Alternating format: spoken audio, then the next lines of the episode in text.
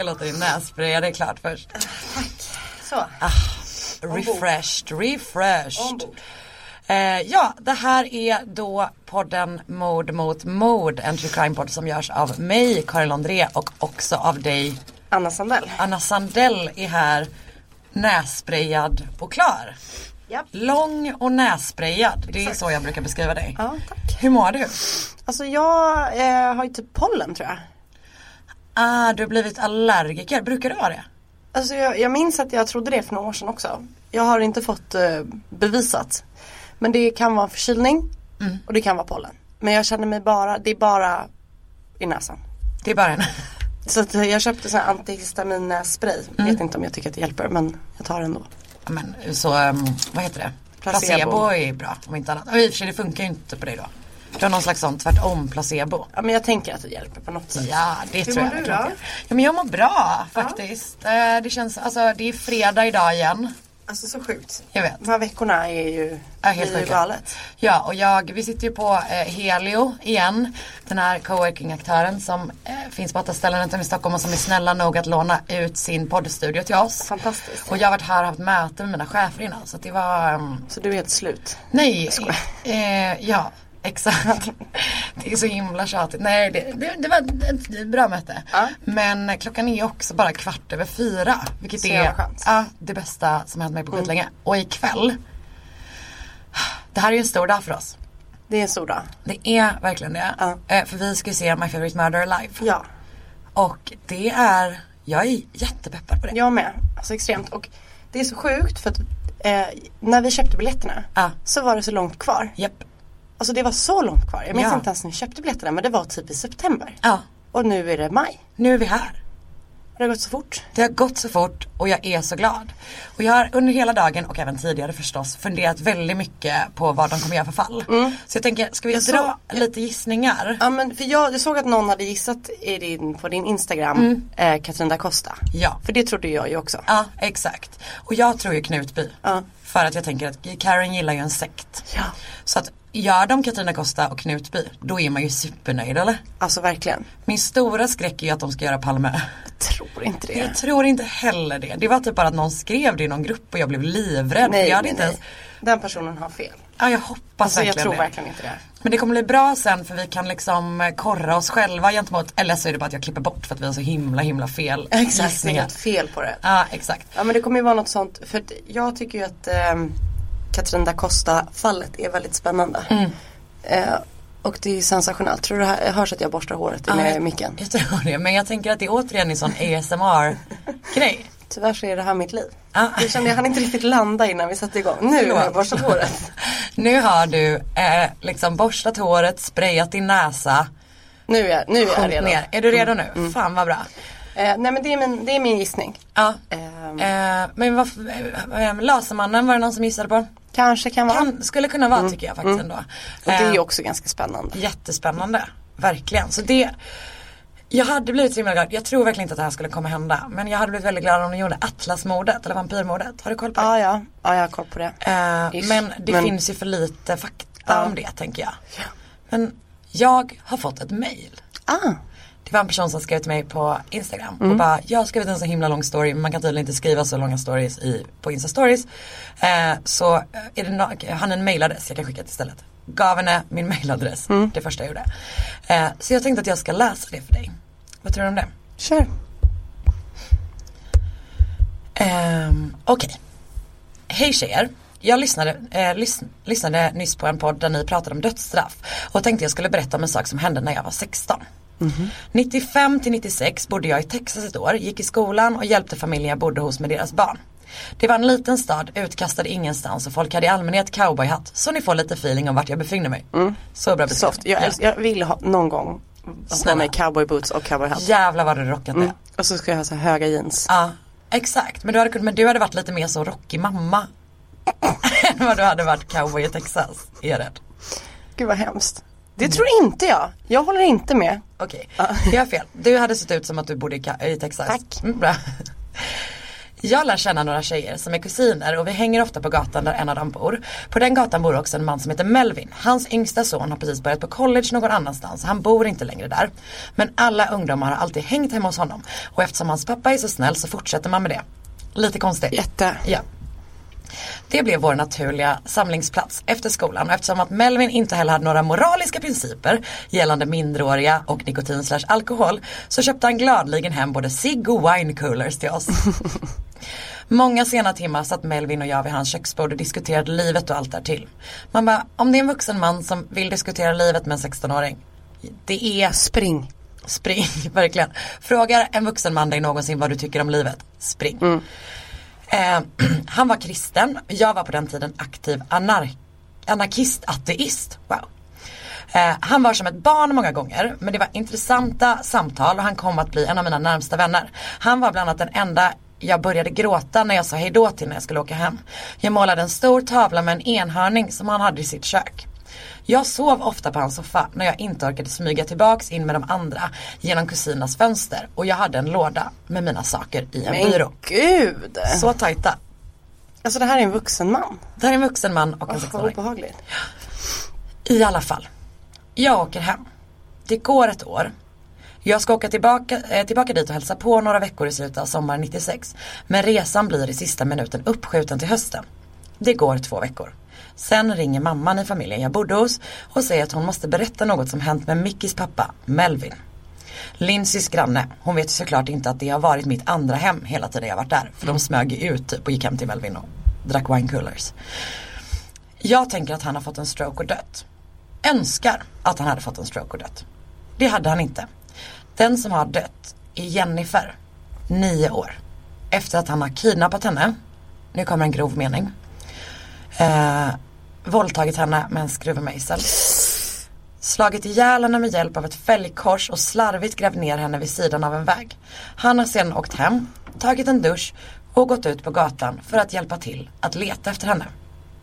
Han var dock inte speciellt smart så polisen kom snabbt på att det var han och haffade honom redan samma kväll. Och som ni bergis vet så är ju just Texas rätt frikostiga med dödsstraffen.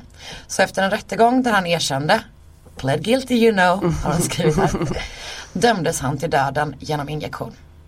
Strax efter, först, efter rättegången fick jag första brevet från honom. Eh, eller första som var postat i Huntsville, Texas i alla fall. Jag tror inte min mamma kände sig helt bekväm med att ge mig det brevet. Jag skrev tillbaka till honom. Jag ville höra vad hans version av vad som hade hänt. Men efter några brev insåg jag att jag redan- redan visste vad som hade hänt. Han hade på det vidrigaste av sätt haft ihjäl den söta blonda lilla tjejen som bodde två hus ifrån honom. Lilla syster till en av oss som hängde hos honom. Trasat sönder henne och kastat henne som skräp i vägen. Hur mycket jag än försökte så kunde jag inte få den bilden ur huvudet och orkade inte med att skriva till honom mer. Jag ville så gärna förstå hur han, den där skitsnälla lilla farbrorn, kunde få för sig att göra något sånt. Men det gick inte och det går inte att förstå. Han satt åtta år på death row innan han avrättades. Okej warden, let's give them what they want, var hans sista ord. Det var en märklig känsla att känna någon som blir dömd till döden, som dör avrättningsdöden. I mina ögon var han helt klart värd det, men det gav perspektiv och funderingar på vem som, eh, vem som egentligen får döda vem. En erfarenhet jag kanske hellre hade varit utan, men som lärt mig mycket om det mänskliga psyket. Det visade sig också i rättegången att han förgripit sig på sin dotter medan hon bodde där. Hon var lika gammal som oss. Efteråt har jag tänkt på de gånger jag hört det knarra i golvet utanför vardagsrummet där jag legat på soffan. Som att någon är på väg att gå förbi men stannar i dörröppningen. Och står kvar där. Kram på er tjejer och glad vår! Men Från hon gud. som också heter Jennifer. Fy. Vilken fruktansvärt obehaglig historia. Ja, och också Alltså jag blir typ helt skakad när jag läste det. Eh, att man är så här, ja det här är en person som jag umgått så mycket med. Som jag satt upp hela nätterna och pratat om livet med liksom. Som begår den värsta sortens brott Ja. man kan tänka sig. Det är så jävla äckligt. Fy fan vad hemskt. Ja, jag vet, det- obehagligt att vara så nära en person som sen turns på det där sättet. Och gud vad, vad, vad Hon måste ju också undra liksom om han har övervägt henne som offer. Exakt. Alltså liksom allt det där. Ja, exakt. It could have been me grejen. Och också hela den grejen att man så här, fan man fattar att hon typ svarade på det brevet. Mm, ja, För att man bara, jag måste försöka fatta och sen så bara, nej just det, det går inte att fatta. Nej. För att det här går inte att förstå, den här typen av brott. Jätte, jätteläskigt. Ja jag vet. Det var verkligen. Tack för att du delade Jennifer. Ja, underbara Jennifer. Vi har mejlat lite grann nu. Kommer nog fortsätta mejla lite grann. Mm, Ja, usch, det är sorgligt. Ja jag vet. Alldeles, alldeles fruktansvärt verkligen. Ehm, och vi, nu kommer vi fortsätta prata om fruktansvärda, fruktansvärda saker. Det kommer vi. Hoppas att ni hänger med. Verkligen.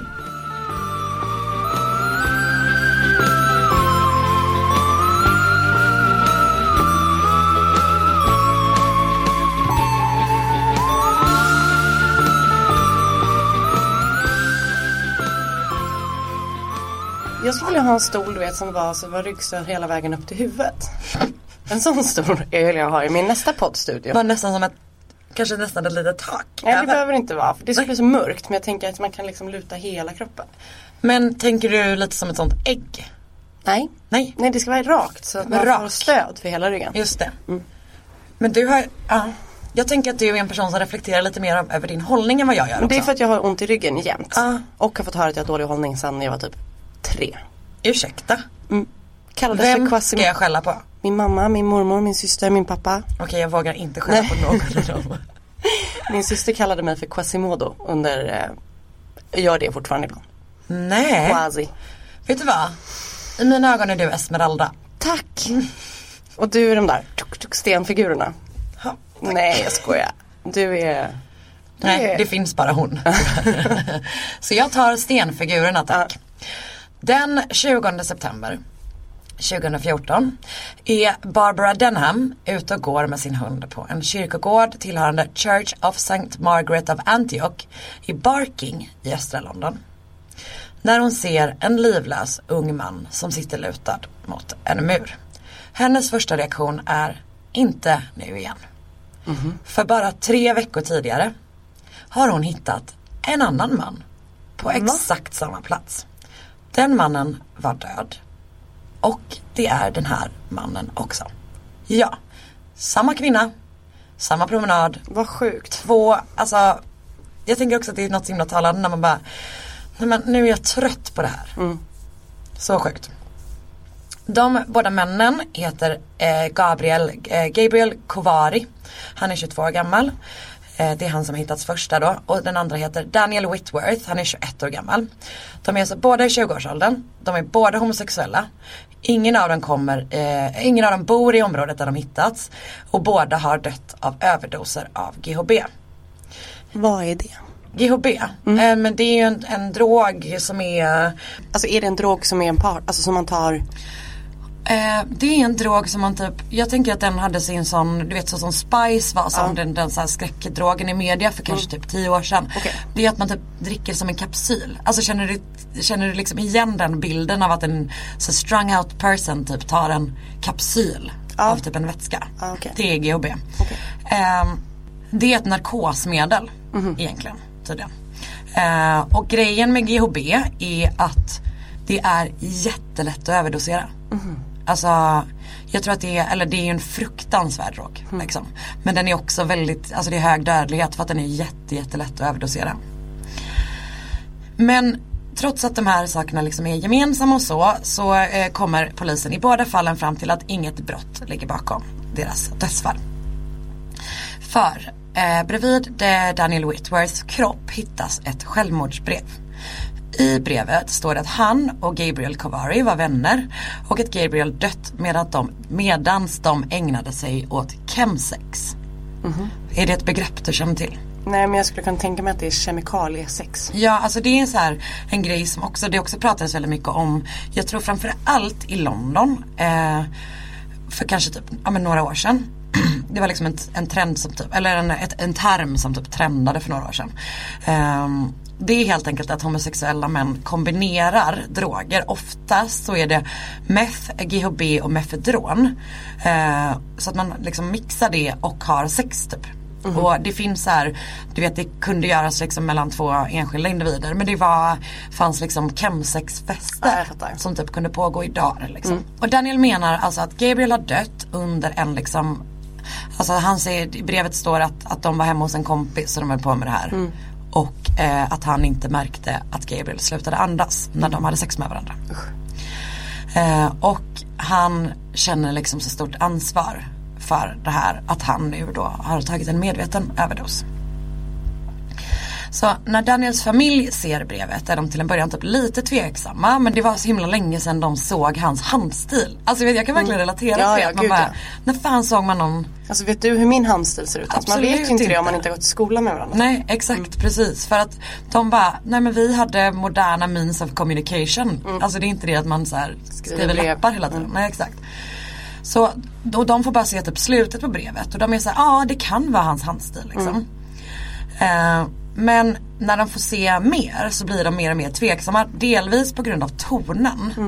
Eh, att de bara, det låter inte som han liksom. Det är ganska hårt, ganska så matter of fact liksom. Så de blir så tveksamma till det. Eh, och dessutom så står det så här i brevet. Please do not blame the guy I was with last night. We only had sex, then I left. He knows nothing of what I, of what I, have, I have done.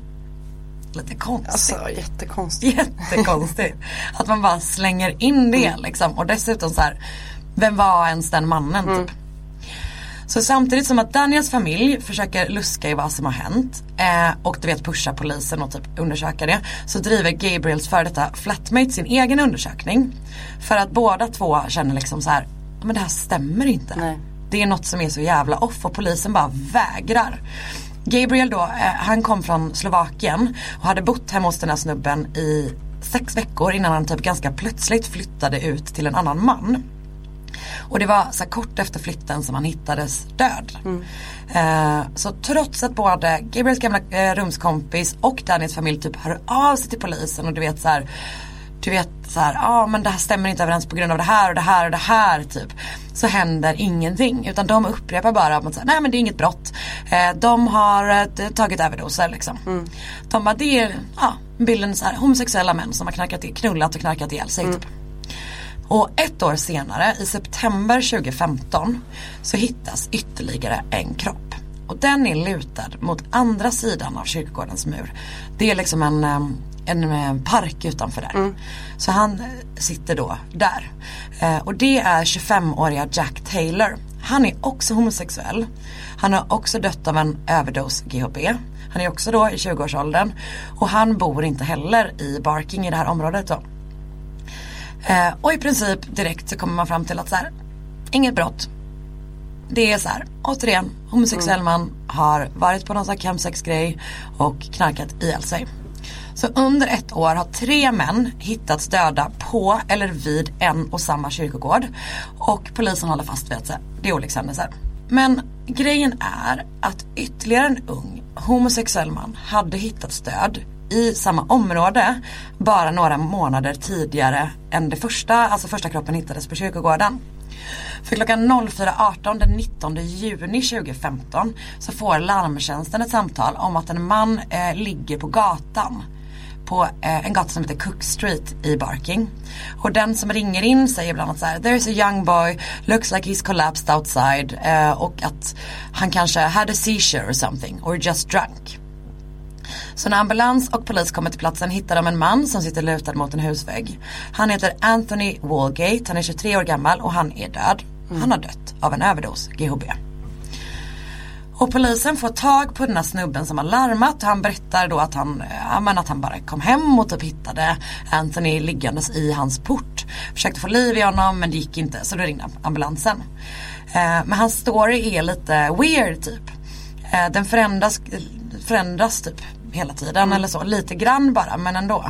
Eh, men och när de pratar med Anthonys vänner så visar det då sig att eh, Anthony har, han ville bli modedesigner men han har delvis jobbat via någon typ eskortsida liksom. Han var, eh, ja men sysslade med sexarbete lite grann typ.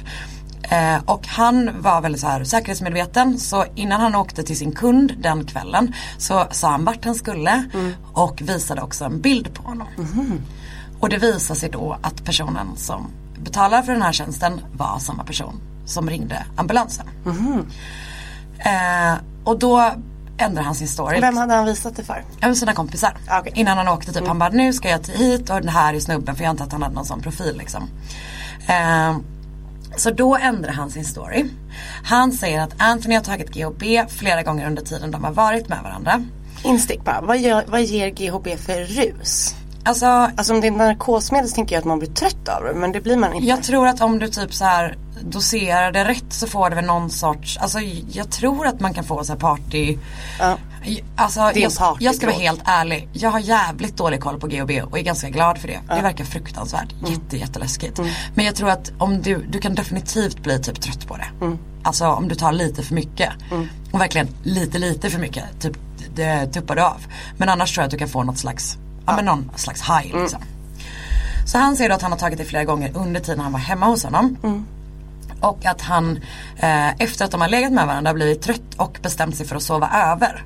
Vilket man till att börja med man bara låter weird. Eh, så dagen efter så går då eh, den här personen som heter Steven Port till sitt jobb. Han jobbar som kock. Eh, och när han kommer hem igen då är det liksom sent på kvällen. Men Anthony ligger fortfarande och sover i hans säng. Så han går och lägger sig bredvid honom. Men när han vaknar några timmar senare är Anthonys kropp kall och stel. Då får Steven Port panik, bär ut honom till gatan, sätter honom mot en vägg och ringer polisen. Eller ringer ambulansen. På grund av det här så blir Steven Port åtalad och senare även dömd för perverting the course of justice. Alltså att han har ljugit för polisen liksom. Eh, men utöver det så händer ingenting med det här utan Anthonys död anses vara ja, men en, en self-inflicted överdos helt enkelt. Och Anthonys familj försöker också få det här fallet att utredas som mord. Eh, de ligger på polisen jättemycket men återigen, det är tvärstopp liksom. De kollar inte ens på Steven Ports dator trots att de beslagtar den. Och det är väldigt synd. Eh, för hade de gjort det så hade de hittat hans senaste porrsökningar. Precis innan han gick in på den här eskortsajten där han då stämde träff med Anthony hade Port googlat saker som Sleeping boy, unconscious boy, drugged and raped, taking date rape drug, gay teen knocked out raped and guy raped and tortured young nude boy. Men gud. Man bara, mm, ganska tydligt. Tänk att det är som Madsen. Ja. Att han bara, beheading girl. Nej, det hade ingenting med det Alltså, att göra. Eh, men de kollar inte ens på detta. Liksom. Så i mars 2015 döms eh, Steven Port för det här att han har eh, ljugit för polisen Mm. och han döms till fyra månaders fängelse men släpps ut efter två. Eh, så i juni 2015 är han då fri. Nu spolar vi ja, framåt eller bakåt oavsett hur man ser det till september 2015. Och Jack Taylor, alltså den sista personen som hittades, eh, den 25-åringen som hittades precis utanför kyrkogården. Hans familj krigar också som fan du vet. Det pågår liksom från fyra olika håll så är det typ fam- eh, fam- eh, familj och vänner som krigar för att polisen ska ta det här på allvar. Och de har äntligen typ nått fram lite lite grann till polisen. För att de lyckas få polisen att plocka ut CCT- eh, CCTV. Alltså övervakningsfilmer. Alltså hela England är ju fucking övervakat liksom. Ehm, från det området i bar, alltså runt Barking liksom där i närheten av där han har hittat. Från natten då när Jack försvann. Att man inte bara gör det ändå. Jag vet. Ja, Alltså, av sig själv Nej men de bestämmer så- direkt. Det är en olyckshändelse. De har liksom gjort det här mot dem själva. Mycket riktigt. Där finns bilder på Jack som typ kommer ut ur en taxi, möter en man. De två går tillsammans. Eh, Man kan följa dem du vet, på massa olika kameror, typ hur de går. Eh, och, men trots det så påstår de då att han har tagit en överdos. För de menar att de så här, att vid en vägkorsning så ser man inte de två igen. För då säger de att så här, här har han gått höger och då kommit till kyrkogården. Och där har han tagit en överdos. Jag vet inte om de tänker att han, den första snubben var hans langare eller någonting typ. Men eh, Jacks familj bara, men kan ni inte bara kolla om han gick vänster? De bara, nej kommer inte göra. De bara, men kan ni bara kolla det? De bara, nej nej nej han gick dit. Ja absolut, vi säger det. Men kan ni bara kolla? Kollar de vänster? Japp, där går de igen. Men gud. Alltså det är så jävla frustrerande. Eh, de liksom så här får böna och be för att de ska kolla upp om han svängde vänster istället för höger typ. För de hade ju då förstås inte skilts åt. Utan de har hållit ihop hela vägen till döden. Och snart, man går ut typ med bilder på den här personen på övervakningskameran. Men snart så inser då en lokalpolis vem mannen på bilderna är. För det är en person som de redan haft kontakt med. För det är då förstås Steven Port. Så den 15 oktober 2015 grips han i sin lägenhet och redan från början misstänks han inte bara för mordet på Jack utan även på Anthony, Gabriel och Daniel. Jag antar att det är för att så här, ja men den första finns ju en tydlig connection och de andra två är så himla lika liksom. Eh, man menar att han helt enkelt förgiftat dem med GHB. Och när media börjar skriva om fallet eh, så träder ytterligare åtta män fram. Och berättar att de har blivit drogade och våldtagna av Steven Nej. Nästan alla har träffat honom på nätet och i hans lägenhet så har han antingen spetsat deras drinkar eller du vet injicerat dem med någonting. I vissa Oh. fall så var det ju ändå så här att folk var med på det. eh, Men att han, du vet, han har gett dem mycket mer eller så. Att han har varit den som har varit in control typ. Eh, och sen har de tuppat av. I vissa fall så har de vaknat under våldtäkten. I andra fall har de inte gjort det. Och sen efteråt har han varit typ så här helt vanlig. Han var, du vet som att det inte varit någonting. På grund av att han har träffat alla sina offer på nätet så börjar han kallas för the grinder killer. Eh, han har inte träffat alla på grinder men han har träffat några av dem på grinder. Eh, som ju är en Hur gammal är den här? jag tror att han är 40 typ, 41 tror jag. Eh, under rättegången anklagas han för fyra mord eh, men också ett antal andra åtalspunkter. Bland annat våldtäkt mot sju män. Eh, och det finns jävla mycket bevis vilket stör en så jävla mycket för att typ det hade polisen kunnat kolla från början. Daniels självmordsbrev eh, visar sig då matcha hans handstil. Eh, hans DNA finns på lakanet som Daniel låg på när de hittade gud. honom. De, tittar, de har inte ens testat det liksom.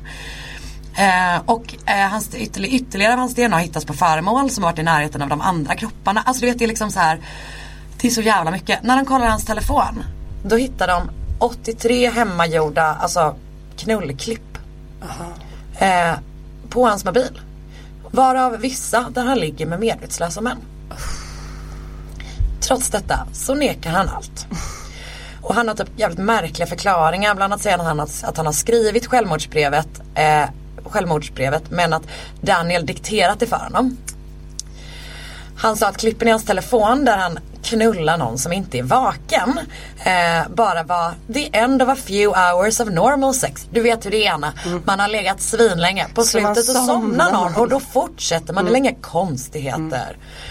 Eh, och typ att han så målar upp sina offer som extremt sexuellt utåtagerande knarkare. Alltså du vet verkligen så. Man bara, ja även om de var det så får inte du mörda dem. Nej. Men han försöker verkligen så spela på det typ.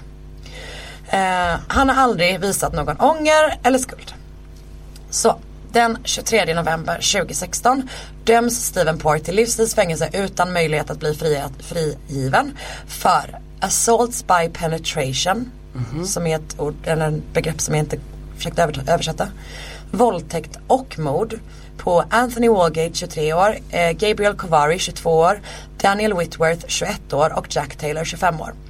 Fyra personer han alltså mördat under 15 månader. Och då hann han ändå sitta inne två av de månaderna. Dessutom så döms han för ytterligare tre våldtäkter, fyra sexual assaults och tio counts of administering a substance with intent. Så polisens utredning har förstås fått så jävla mycket kritik och den, de håller på, den håller på att utredas nu typ. Eh, Jag läser någonting från mars i år. Eh, Så där, där är, mm, ja men det var bara typ att det var, det var damning. Det var inte, Nej. för att det är verkligen, de har begått så jävla jävla många misstag. Och jag såg en väldigt bra BBC dokumentär som heter The Killer of the Police Mist. Finns på Youtube. Finns också i textform om man, om man söker på The Killer the Police Mist på BBC så kan man läsa massa om Ja. det. Eh, men i den här dokumentären så är då deras anhöriga med. Och de är ju så här supertydliga. De bara nej nej det här är homofobi. De vill inte röra vid det här för att de tyckte att det är så här, det är äckligt med homosexuella män som typ tar droger och ligger med varandra. Gud, vad hemskt. Ja det är vidrigt för att som sagt det här hade kunnat lösas. Det hade kunnat lösas direkt om de hade typ kollat på den jävla datorn. Tre unga pojkar hade kunnat slippa dö. Vilket fall i ordningen var det när han satt i porten? Det är det första. Mm. Allra första. Precis, för jag, jag tänk, först tänkte jag att det var i mitten och så undrar jag varför han inte gjorde så. Men då har han kommit på att han inte kan, alltså Ja, det måste ju ha varit någon slags Exakt. desperationsgrej. Ja, så börjar han lägga dem på den här kyrkogården istället. Eh, så att nu håller de på att utreda polisens utredning och ta reda på hur jävla fel de gjorde. Mm. Eh, men jag kan verkligen, verkligen rekommendera den ehm, dokumentären. Fun fact. Steven Port var med i ett avsnitt av Celebrity Masterchef 2014. Då han hjälpte Celebrity Chefs att laga pasta och köttbullar till 100 busschaufförer. Fan vad sjukt. Ja. För Masterchef är ju mitt favoritprogram. Jag ville avsluta med något som Mm. inte var så hemskt. Jag har även i mitt dokument, i mitt manus, klistrat in en bild på honom för att Ah, jag jag, så himla gärna vill visa dig det. Ja. Du är in for a treat. Åh fy. Ja. Va, hur skulle du beskriva? Alltså Nej jag vet. det är så. är en mardröm. Han är ju, skelar ju, det kan han ju inte hjälpa. Nej. Han, man kan ju inte hjälpa något med sitt utseende. nej, nej. men han var verkligen Fast inte kan, snygg. man, man kan hjälpa saker med sin personlighet. Mm. Eh, han hade tupé innan. Ah. Så att han var lite snyggare. Inte för att jag inte säger att, jag menar inte att man inte kan vara snygg och inte ha något hår. Nej precis. Eh, men eh, han hade det i alla fall. Och han verkar så jävla obehaglig. En granne typ slash kompis var med i den här dokumentären och berättade hur han, han var liksom väldigt barnslig typ. Att han satt och lekte med så här leksaker. Och att han verkligen, verkligen var öppen med att han gillade yngre män. Typ. Ja. Så här twinks som är sån liksom. Ja men typ. Men att eh, det, ja, jag Ska tänkte jag vända bort honom? För nu är det som att han stirrar på dig. Fast bara med sitt ena öga. Verkligen, han tittar på dig med det andra. Eh, men han, eh, jag tänkte på det där att eh, om jag nu skulle använda Tinder Mm. för att eh, locka till mig eh, Ja. och brottsoffer. Så skulle jag väl inte ha min egna bild. Ja. Jag tänker, Aha. alltså det känns som att eh, Jag, jag missade den delen när du sa att det var för att locka till sig eh, Ja, på, brottsoffer. alltså på Tinder, jag har aldrig haft min egna bild. Jag har catfishat alla killar. Ehm, nej, jag menar att om det var för att jag, vi hade liksom the sole purpose av att eh, hitta folk jag kan våldta. Mm. Så skulle jag väl göra det under typ ett annat namn, Mm. eh, ett annan, en annan bild. Men jag vet inte, han ville ju ändå ha, ha tillbaka dem till sin lägenhet tänker jag. Och han mötte dem ute typ. Ja, okej. Han mötte dem vid den här stationen. Ja, vet Vilket inte. också är konstigt i och för sig. För varför? Det kanske är för att han typ inte ville skriva sin adress. Mm. Tänker jag i och för sig. När han stämde träff med dem. Så då bestämde han att han skulle möta dem istället. Ja, jävligt obehagligt och det där är mm, The, the Grinder Killer, hette den Ja, så? Mm. Stephen Port, The Grinder Killer. Innan idag på lunchen så hamnade jag i en, en väldigt lång artikel som handlar just om chemsex. Typ. Ah, okej. Och att det finns ganska många stories. Alltså om man vill knarka och jag ska inte säga att man ska knarka. Men jag menar eh, om man vill ligga med varandra fuck all you want liksom. Men att det typ finns en hel del stories om folk som kanske har blivit injicerade med mer eller typ blivit um, administered med droger än vad de ville ha eller hade tänkt sig och dessutom att det är så här Jag hade aldrig låtit någon annan injicera någonting i mig. inte ens en sjuksköterska. Jo, såklart. Men jag menar, Bra. alltså sådär att någon skulle, jag skulle inte ens tillåta någon att typ mata mig med någonting som jag inte visste precis vad det var. Nej men ja du hade varit så himla dålig i sånt, ett sånt test. Där man ska typ, har ögonbilder och bara, du bara jag tror att det är äpple så skrattar alla för det var plommon.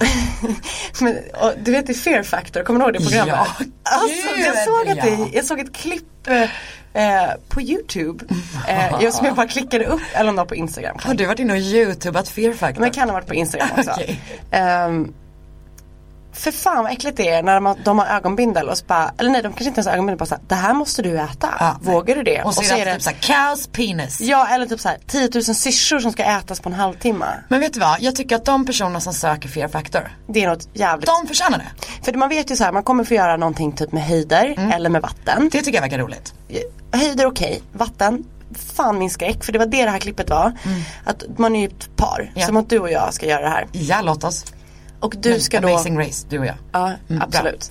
Ehm, du ska då lägga dig i en glaskista och sen ska jag fylla på den helt med vatten. Och så ska vi se hur länge du kan ligga där. Nej men det var inte bara att man skulle ligga, du, var, du är väl tvungen att göra någonting för att få Jag ut pumpar mig? ner vatten. Va? Ja, Varför vill nej. du döda mig? Men alltså jag ska, visa, jag ska se om jag hittar sen. Ah. Det, men det är en sån grej att säga, så hur länge kan du ligga, hur länge vågar du?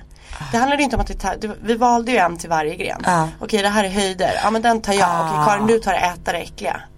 mm, det hade jag ju varit tvungen att göra. Det hade du varit tvungen att jag göra. hade, jag hade Du hade varit tvungen att göra allt med vatten. Kuk, kokuk hela dagen.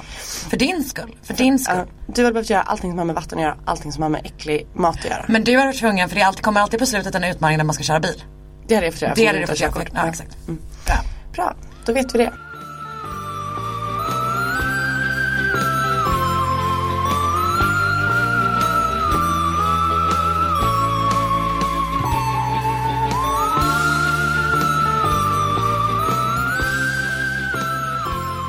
Det är som att vi är mm, äh, Vi är liksom synkade på något vis. Eh, fast ändå inte.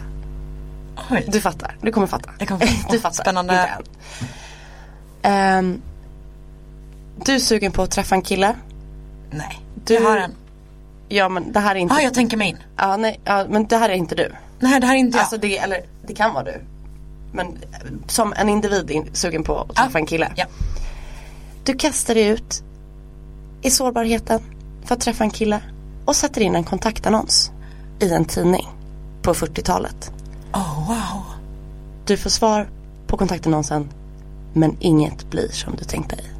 Dum, dum, dum. Anna, vilket otroligt intro. Tack.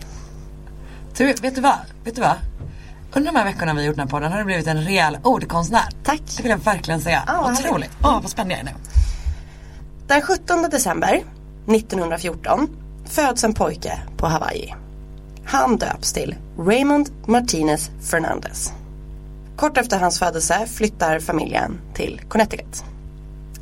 1932, eh, när Raymond alltså är 32. 18 år gammal, Bra. flyttar han till Spanien. För hans föräldrar är spanjorer. Så han har liksom familj där.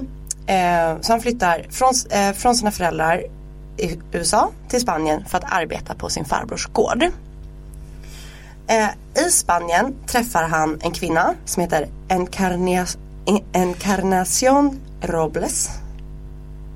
Starkt Vänta, namn. förnamn Encarnacion. Encarna... Encarnacion. Fint. Och de två gifte sig och fick ett gäng barn.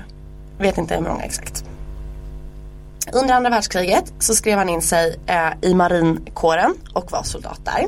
Efter kriget så lämnade Raymond däremot Spanien och hela sin familj. Eh, och reste till USA för att söka jobb. Eh, på skeppet över till USA så var han med om en olycka. Där han ramlade på sitt huvud. Uh-oh. Eh, så Raymond fick en lättare skallfraktur eh, på eh, frontalloben. Som kontrollerar impulser, sexlust och sådär. Liksom det är impulshjärnan som sitter där. Eh, så han åkte in på sjukhus för att behandlas för detta. Och ehm, han låg på sjukhus i tre månader. Men han blev sig ehm, aldrig lik. Utan den här skadan gjorde att han fick en helt annan personlighet. Åh, fy fan. Skräcken. Så obehagligt. Skräcken. Ja. För du kan heller typ inte riktigt bli arg på en person som så här. Nej, du Eller jag antar att jag kommer bli arg förr eller kommer senare. nog ja. bli arg. Ja. Ehm, och när han kom ut från fängelset har jag skrivit, men det är från sjukhuset. Önsketänkande. Eh, verkligen. Började han begå småstölder, typ ficktjuveri och sånt där. Eh, och han åkte fast för det och eh, åkte in i finkan. Inne i fängelset så delade han cell med en man som kom från Haiti. Och den här mannen eh, var Wyclef Jean. How did you know? Eh, nej, han var eh, Han introducerade eh, Raymond för vo- voodoo Ah. och det ockulta liksom. Eh, så eh, Raymond lär sig allting om voodoo. Och när han blev frisläppt 1946 så trodde han att han besatt en voodoo-kraft som eh, tog sig uttryck i sexuell lockelse. Absolut Att han- hjärtat. Absolut. han kunde eh, liksom attrahera till sig kvinnor med hjälp av sin voodoo-kraft. Ja, absolut. Köper Så-. Jag köper det rakt av. Exakt.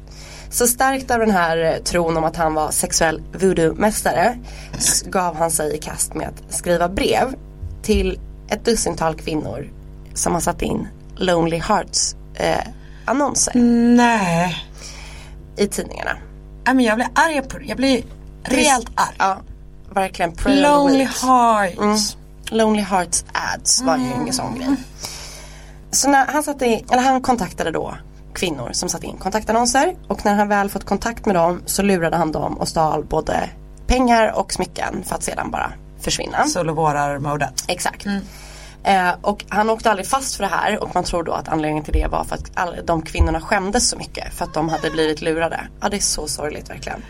Så att de skämdes så mycket för att anmäla den här händelsen så han kunde bara liksom fortsätta att svindla på. Eh, det som däremot hände eh, med en av de här kvinnorna som han faktiskt gifte sig med. Som hette Jane Lucilla Thompson. Han tog med henne till Spanien. Där eh, hon så småningom hittades död i sitt hotellrum. Eh, och man kunde inte bestämma vad dödsorsaken var. Men Raymond blev i alla fall inte misstänkt utan det sågs nog som ett naturligt fall. Man kunde inte säga vad det var som hade eh, orsakat hennes död och hon blev inte, eller och Raymond blev då inte misstänkt. Men det han däremot eh, fick var att i hennes testamente hade han testamenterat hennes våning och alla hennes möbler och det luktar ju lite fishy. Surprise! Mm. Hennes, bara, åh nej hon dog Ja. mystiskt och alla hennes saker är mina nu. Åh nej. och de var ju också relativt nygifta. Men så att hennes testamente var ju då såklart forged av honom.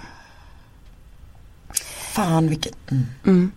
Nu tycker jag inte synd om honom längre. Nej, vi börjar en parallell historia. Oh. För den 6 maj 1920 föddes Martha Beck i Milton. Hon, heter, hon föds inte, Beck är inte hennes maiden name. Jag, jag har glömt bort det. Martha föds Ja. i Milton, Florida. Hon hade tidigt problem med sin köldkörtel och var kraftigt överviktig.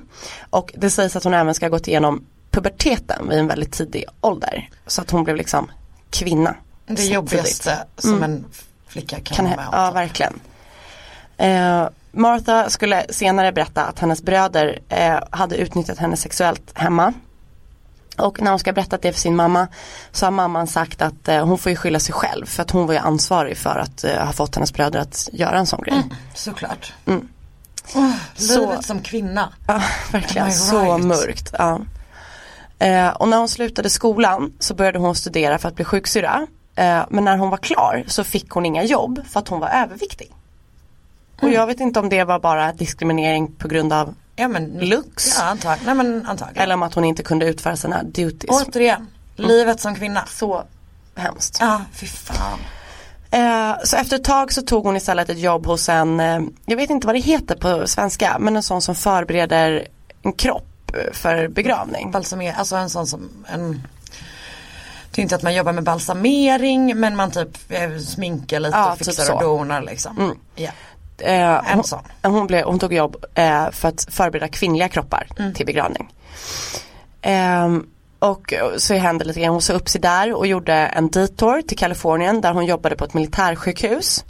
Ehm, och där ska hon ha haft, det stod någonstans att hon, hade, att hon var promiskuös men hon har haft olika eh, affärer med olika män. För jävligt. Verkligen. eh, och till slut blev hon gravid. Men den personen som gjorde henne gravid eh, ville inte mm, gifta sig med henne. Så hon tog sin bebis och, eh, eller bebis i magen kanske det var, eh, och flyttade tillbaka hem till Florida. Och när hon väl var hemma så drog hon liksom en vals om att barnets pappa var en militär som hade gått bort. Så att det var inte det att hon hade blivit lämnad utan han hade dött och det, att det var synd om henne och det var ju synd om henne men att sådär Ja men för typ skammen typ då är det återigen så här du kan inte ens behålla en man. Det är ju Exakt. den grejen Ja. liksom. eh, och snart efter att det första barnet eller att det här barnet föds så blir hon gravid igen med en busschaufför som heter Beck eh, Och han gifte sig med henne. han gifter sig med henne men de skilde sig efter bara sex månader Ja, ja. Så nu har hon en liten dotter och en liten son och ingen man och inget jobb. Vilket känns som en ganska hopplös situation på slutet på 40-talet. Japp. Eh, och hon började då som tröst, så som man kan göra ibland när man är deprimerad, fantisera om ett annat liv. Och dagdrömde jättemycket och sådär. Men en dag så sätter hon in en kontaktannons. En kontaktannons som Raymond Fernandez svarade på. Så de började brevväxla och det dröjde inte länge innan Raymond kom för att bo hos Martha. Och han blev först förvånad över att hon är så kraftig. För hon har skickat bilder, det var så gulligt när det beskrevs att hon då vill inte skicka en bild eh, på bara sig själv, vilket är ju hemskt. Men då har hon skickat en bild, ett gruppfoto. Hon man har, inte vet vem som är henne. Jo, han, hon har ringat in sig själv men hon är liksom täckt av folk som står före. Och så hade hon skrivit så här, the picture does not do me justice typ. Så han får typ en liten chock. Man bara, absolut. men han då. är- Du som sol och vårar folk, du ska nog gnälla på. Exakt. Ehm, så eh, han får en chock men eftersom han egentligen bara är där för att eh, lura till sig pengar. Oklart om hon hade några pengar, jag tror typ inte att hon hade det men det vet ju kanske inte han. Så han stannar kvar liksom och är hos henne eller i samma stad ett tag. Och Martha börjar gärna sprida, eh, berätta för folk att eh, de snart ska gifta sig. Och det är oklart om hon har fantiserat ihop det eller om Raymond har fått henne att tro det. Men efter ett tag så åker Raymond tillbaka till New York där han bodde. Um, och när han har stuckit så fortsätter hon att berätta och så säga att hon planerar för deras stundande bröllop och sådär. Jag får sånt hjärtat av det här. Ja det är verkligen hemskt. Eh, och kort därefter så får Martha sparken från sitt jobb. För nu har hon då fått ett jobb på ett sjukhus men där får hon sparken. Eh, på oklara grunder tror jag, jag vet inte exakt varför. Eh, men hon vägrar ju upp sin dröm om ett lyckligt liv. Så hon packar ihop sina grejer och sina ungar och åker till New York för, för, att, att för att träffa Raymond.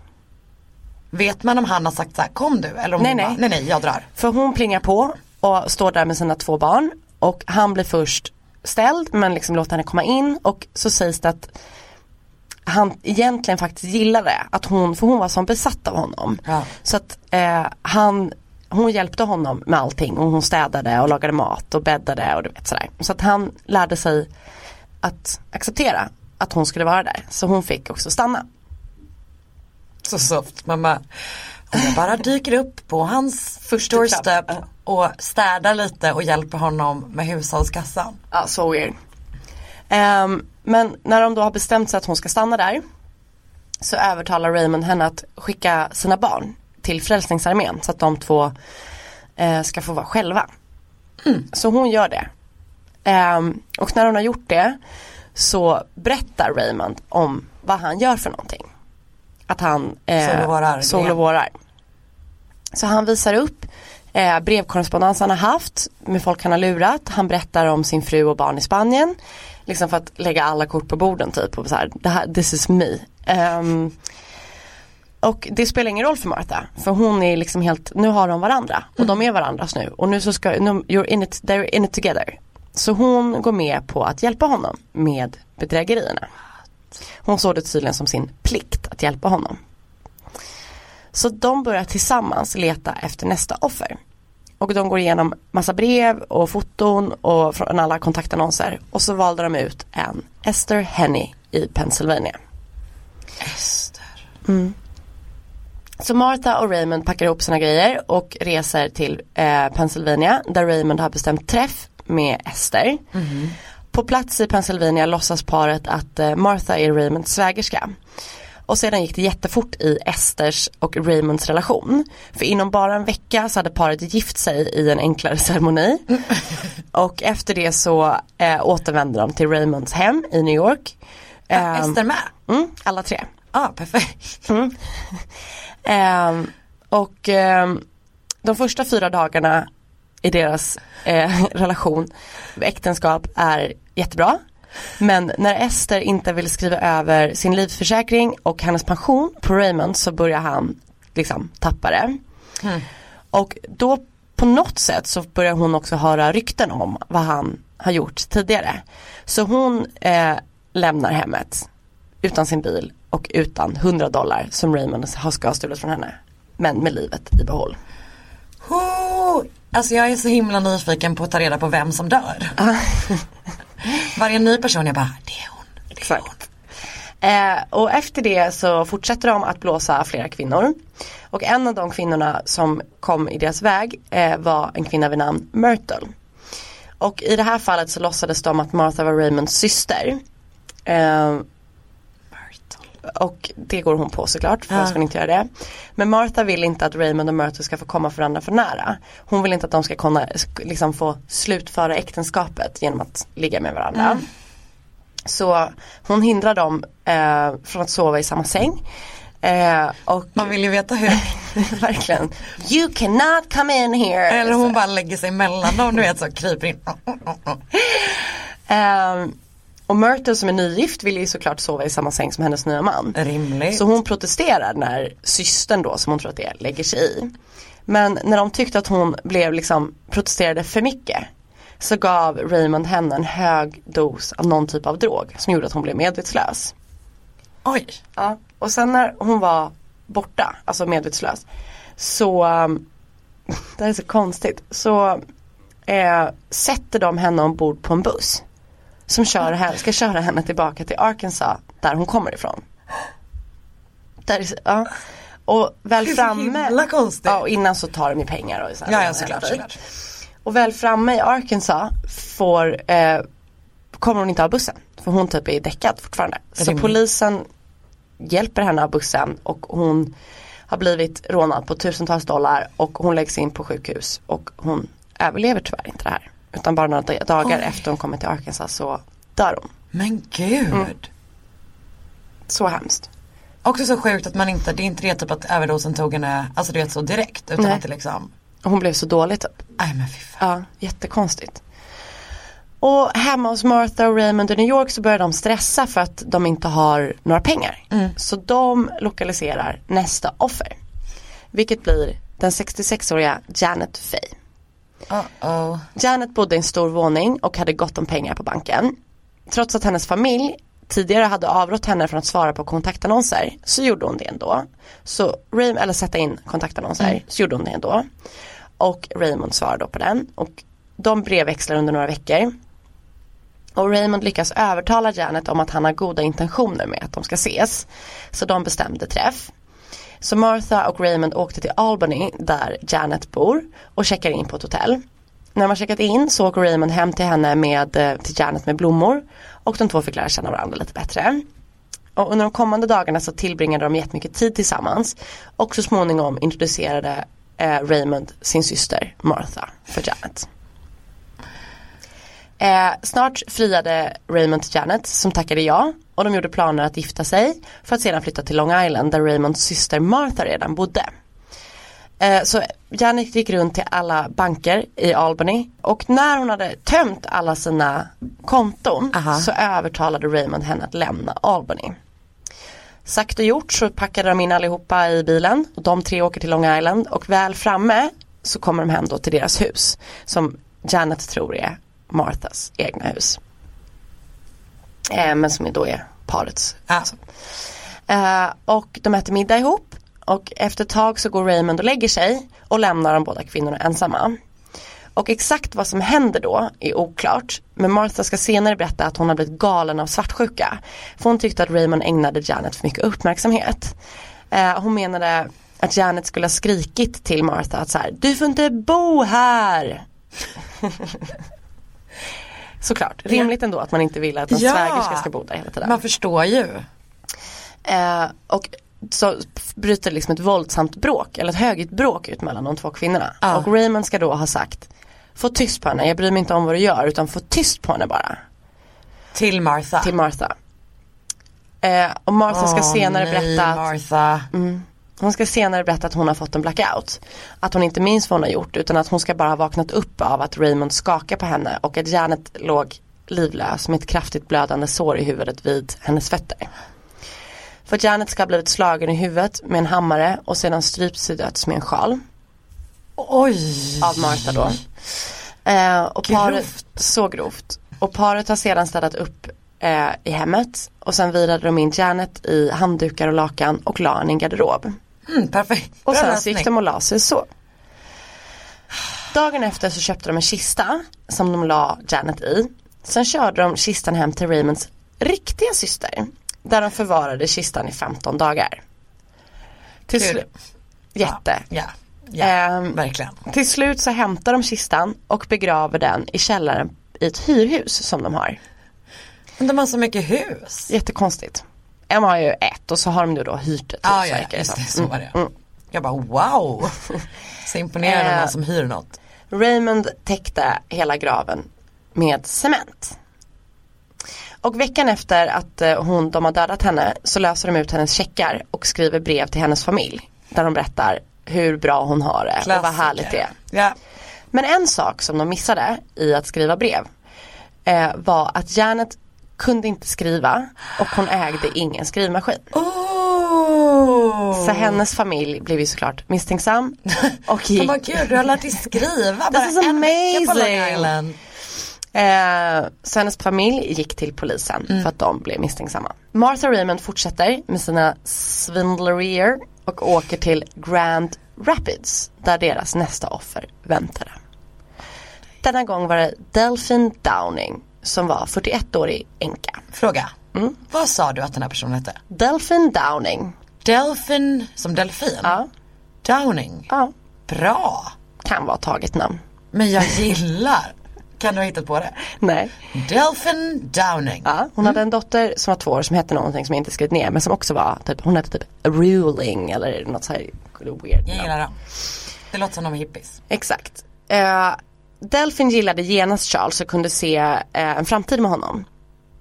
Så efter ett kort tag så uh, börjar de här två också ligga med varandra. Vilket jag tror att han inte har gjort med sina tidigare. Ja, och då blir hon tokig. Ja, något som Martha absolut inte var okej med. Men någon morgon eh, så det, allt det här tror jag händer under väldigt kort tids liksom, intervall. Eh, så ser Delphine Raymond utan tupé. Det är som han. Ja! Det är Gud, både att de alltså- raggar på kontaktannonser Ja, ish, och och, att har de har tupé. tupé. Jag vet. Ehm, Gud vilket märkligt temaavsnitt. verkligen. Tupéernas avsnitt. Typ, Eh, raggande tupéernas Tupe- avsnitt. Nej, duperande tu- De duperande tupéernas avsnitt. Ja. Fan vad bra. Ehm, så hon känner att hon har blivit lurad liksom. Vad är det här? Han har inga hår. Så hon ställer till med någon slags scen. Som Martha och Raymond lyckas lugna ner och prata bort. Martha övertalade henne också att ta några sömnpiller. För att lugna ner sig. Jättekonstigt. Så Delfin somnar. Och när Delfin har somnat så börjar bebisen att skrika. Och i panik så tar Martha strypgrepp Nej. på bebisen. Nej. Men Raymond blir först arg och säger vad gör du? Tänk om hon vaknar och ser att du stryper bebisen. För bebisen fick liksom direkt eh, röda märken. Man bara inte typ, vad gör du? Du kan inte strypa en bebis. Nej men verkligen. Utan, mm. Eh, och Martha säger så här, du måste göra någonting åt den här situationen. För hon känner ju sig snuvad på konfekten. Liksom, att nu har ju Martha, nej, nu är Raymond och Delphine legat med varandra. De verkar gilla varandra och sådär. Så hon säger, du måste göra någonting åt den här situationen. Varpå Raymond, helt sonika, går och hämtar en pistol som är Delphins exman. Som han sen packar in i en filt och skjuter Delphine med. Efter det så lägger de henne i filtar och lakan och begraver henne i, en grav som han gräver i källaren. Men allt hon sa var ju, har du tupé? Ja men det måste ju ha varit något annat också. Vad hände med bebis?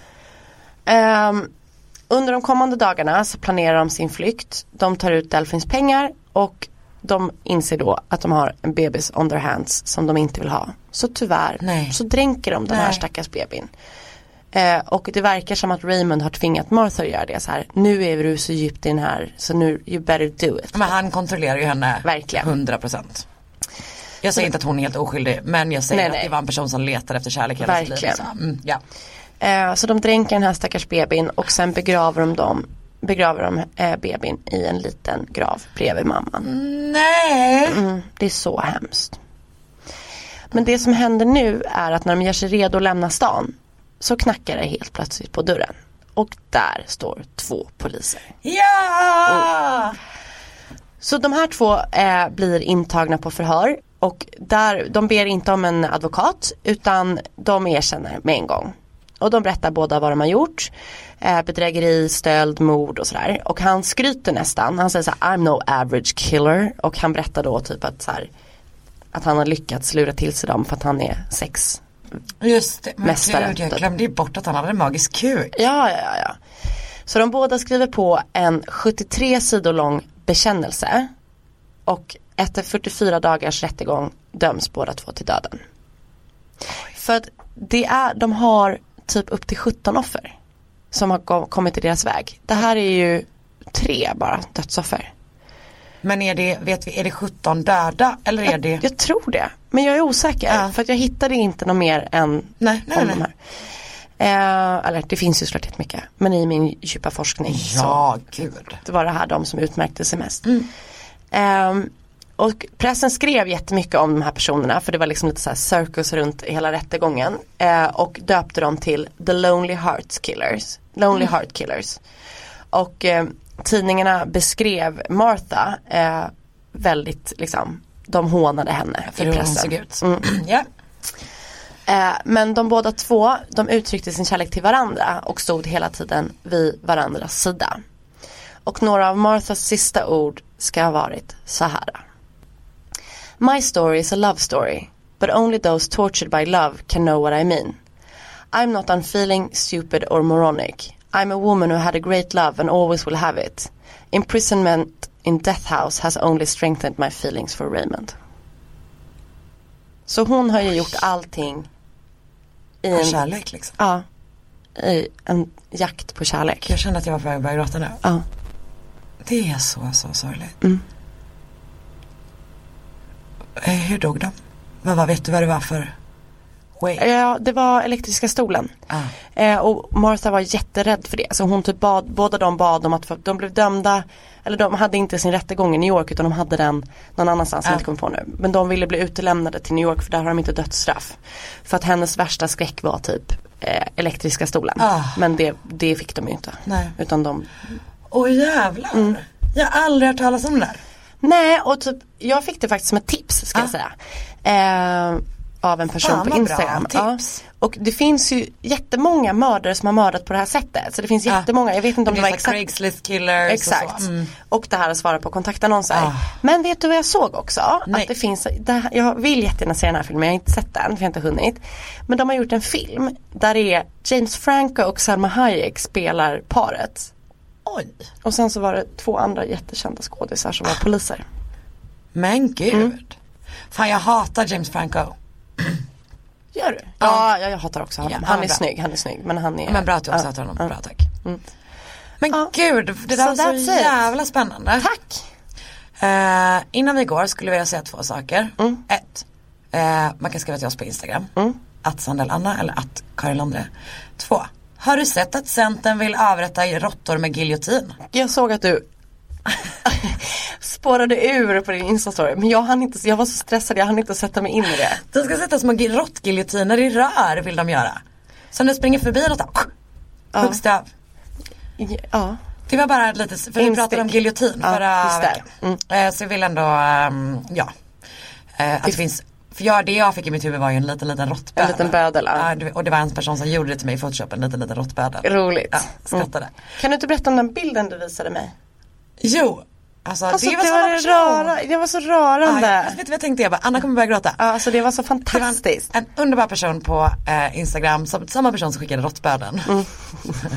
som också var Alltså det är en person i riktigt- vårt, vårt tycke, vår smak menar jag. Ja verkligen, riktigt bra på photoshop också. Men då hade hon gjort du vet den här klassiska eh, How it feels when I listen to podcasts. Eh, som ju är typ att man sitter bredvid en affisch och äter glass och skrattar. typ. Så då hade hon skrivit bara eh, jag på den det barnet som sitter bredvid och så var det Karin på den brunetten, Anna på den blonda och sen så stod det Molly. Det var så gulligt. Och så hade hon klippt in en bild på din hund. Det var, hur har de hittat Molly? Men på din Instagram eller? Ja. Alltså jag tyckte det, Det var var, så jag gulligt. skrattade så mycket åt Men alltså det. när jag öppnade den så var jag ute åt middag. Ja, jag var på dejt. jag var på dejt. Jag bara sluta vara på dejt för nu måste vi skratta åt det här. Och det var så roligt för att jag öppnade och bara kolla! Och så, så tittade jag lite fort och Oskar bara det där är inte du och Karin det vet du va? Och så, för jag hade tittat fort och trodde att det var Ah. Men du har ju sett den bilden. Jo men jag kopplade inte. Alltså, det var så här, jag bara åh de har klippt in oss! Och så bara, för jag såg först bara Mollys face. Nej det var så roligt Ja. att Mollys face var där. Ja, hon är sånt. Adorable. Jättemycket, alltså kul med, jag, men, inte, jag var på väg att säga dålig photoshop. Det menar jag verkligen inte. Rolig photoshop menar Alltså det var rolig photoshop. Det var så jävla roligt. Jag skulle säga hellre roligt än eh, Proffsigt. Ja gud ja. Ja. Mm. Alltså alltid. Och så känner ju vi inför hela våran podd. Precis för det är hellre, att man gör än att man inte gör det alls. Verkligen. Det, och det är ju det som är vårt motto här. Så med de orden, vi avslutar vårt motto. Mm. Nu ska vi gå och kolla på My Favorite Murder. ja!